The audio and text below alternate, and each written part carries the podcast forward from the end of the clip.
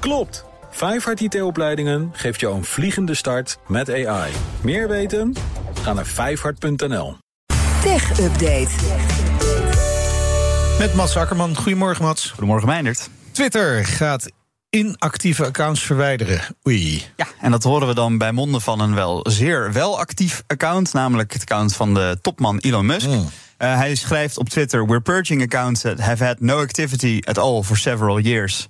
So you will probably see follower count drop. Oftewel, uh, accounts die al jaren geen enkel teken van leven meer geven. Zoals mijn oude middelbare schoolaccount, waar ik de inloggegevens al lang niet meer van weet. Die worden allemaal uh, verwijderd en opgeschoond. En daarbij is de waarschuwing dat dan ook je aantal volgers wel een beetje kan dalen.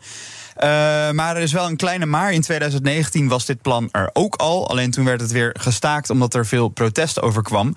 Uh, omdat dan ook de accounts van overleden mensen zouden verdwijnen. En veel mensen, ja, dat is een beetje uit het een oog, soort, uit het hart. archief is dat nog. Ja, precies. Ja. Als jij een oud idool had die je graag volgde daar of zo, dat je dat dan ook weer terug kon Ja. eh, zoeken, nog wat oude dingen terug kon Ja, lezen. precies. Familielid, ja, precies.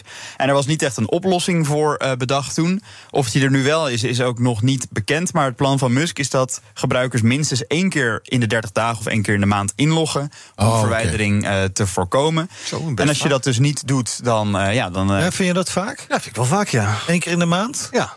Even inloggen? Ja, Vind ik- als, als daarna je account gelijk verwijderd wordt, vind ik dat best pittig. Kijk, dat je accounts die jaren inactief zijn een tijdje zegt van joh, die, eh, die gaan Ja. we wipen, dat snap ik wel. Maar als je één keer per maand moet inloggen. Nou ja, maar het is dus ook gewoon passief kijken. Dan, dan word je Ja. al niet meer... Ja, eh, veel mensen staan natuurlijk standaard ingelogd op een Ja, apparaat. precies. dus als je dan Ja. ook het opent, dan zit, dan zit je er meteen in. Maar één keer per maand is op zich wel eh, relatief vaak. Maar wa- wat wel interessant is, eh, misschien dat er allemaal accounts, namen van accounts vrijkomen. ja, ik heb net eh Ed Meijnerd Schut eh, op Twitter geclaimd. Ja, dat die- kan niet, want die bestaat al. En jij kijkt elke maand dus ook een keer. Nou ja, ik geloof dat ik elke dag toch wel even Maar goed, eh, misschien hem dat je aantik, ja. eh, Ed Michael Jackson of zo dan nu kan gaan opeisen. Oh, ja. of, eh, nou, ik weet niet of je dat nou per se zou willen. Maar eh, Musk heeft bevestigd dat er waarschijnlijk wat interessante gebruikersnamen Ja. vrijkomen daardoor. Maar Je, je mag schut gaan wel kopen trouwens hoor, als je dat heel graag wil. Ik weet niet of ik zo diep in de weidel kan tasten. Nee, dat, gaat je wel flink inderdaad eh, eh, kosten. Maar goed, eh, oké, iets anders. Baanzoekplatform LinkedIn moet zelf eraan geloven.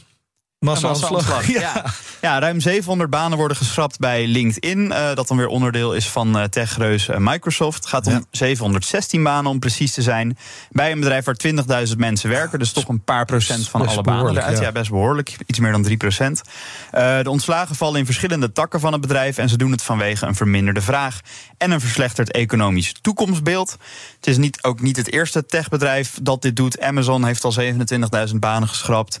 Meta van Facebook en Instagram 21.000. Alphabet, moederbedrijf van Google, al 12.000.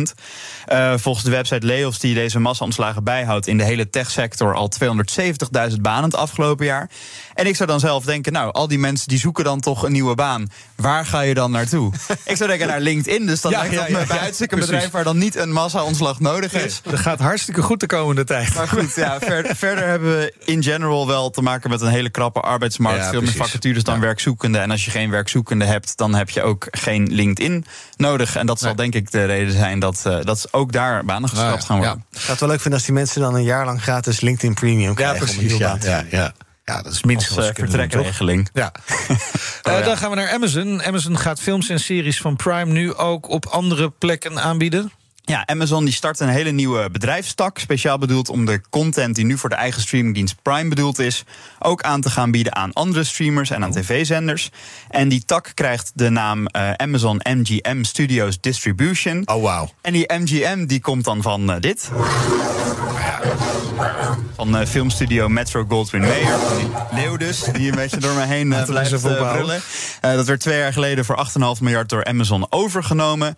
En content van Amazon Prime en MGM gaat dus voortaan worden aangeboden aan andere streamingdiensten en ook in vliegtuigen. En ze kunnen ook licenties gaan afgeven aan niet-Amerikaanse tv-zenders. Eh, en dat gaat om een behoorlijke bibliotheek waar ze uit kunnen kiezen. 4000 films en 17.000 afleveringen aan series. Uh, dat is dan inclusief de eigen content van Amazon Studios, zoals de laatste Borat-film. Maar bij MGM bijvoorbeeld zit uh, onder andere de James Bond-reeks. Dus dat is wel Ja, een ja. vrij succesvolle. Rocky zit daar, Vikings, uh, The Handmaid's Tale. Uh, dus ja, ze gaan uh, een beetje hun content ergens anders aanbieden... in de hoop dat dat meer geld uh, in het laadje Ja, maar, brengt. maar dan is even de vraag. Want dan zou het bijvoorbeeld kunnen zijn dat dus eh, nu films en series die nu op Prime te zien zijn, straks gewoon op Netflix te zien zijn. Dan hoef ik mijn abonnement op Prime ook niet aan te houden. Ja, en eerst was de strategie vooral... we zetten alle content exclusief op onze eigen platform. Maar Amazon en andere streamingsdiensten zijn nu een beetje daarvan aan het afwijken dat ze ook een beetje het op andere plekken aanbieden, eh, omdat dat toch uiteindelijk meer geld in het laadje brengt. Ze zullen de sommen hebben gemaakt. Maar wat ze wel gaan doen is dat dingen die net nieuw uitkomen, wel in eerste instantie nog even exclusief op het eigen platform blijven. Dat jij toch, als je er als eerste bij wil zijn, wel echt dat Amazon Prime abonnement wil nemen. Maar zodra dan het nieuwe er een beetje van af is, na misschien de eerste paar weken, eerste maand, dat ze dan ook naar andere plekken gaan uh, verkopen, zodat dat weer geld opbrengt. Dankjewel, Mats. De BNR Tech Update wordt mede mogelijk gemaakt door Lenklen. Lenklen. Betrokken expertise, gedreven resultaat. Klopt. Vijfhart IT-opleidingen is de grootste AI-opleider van Nederland. Meer weten? Ga naar vijfhart.nl.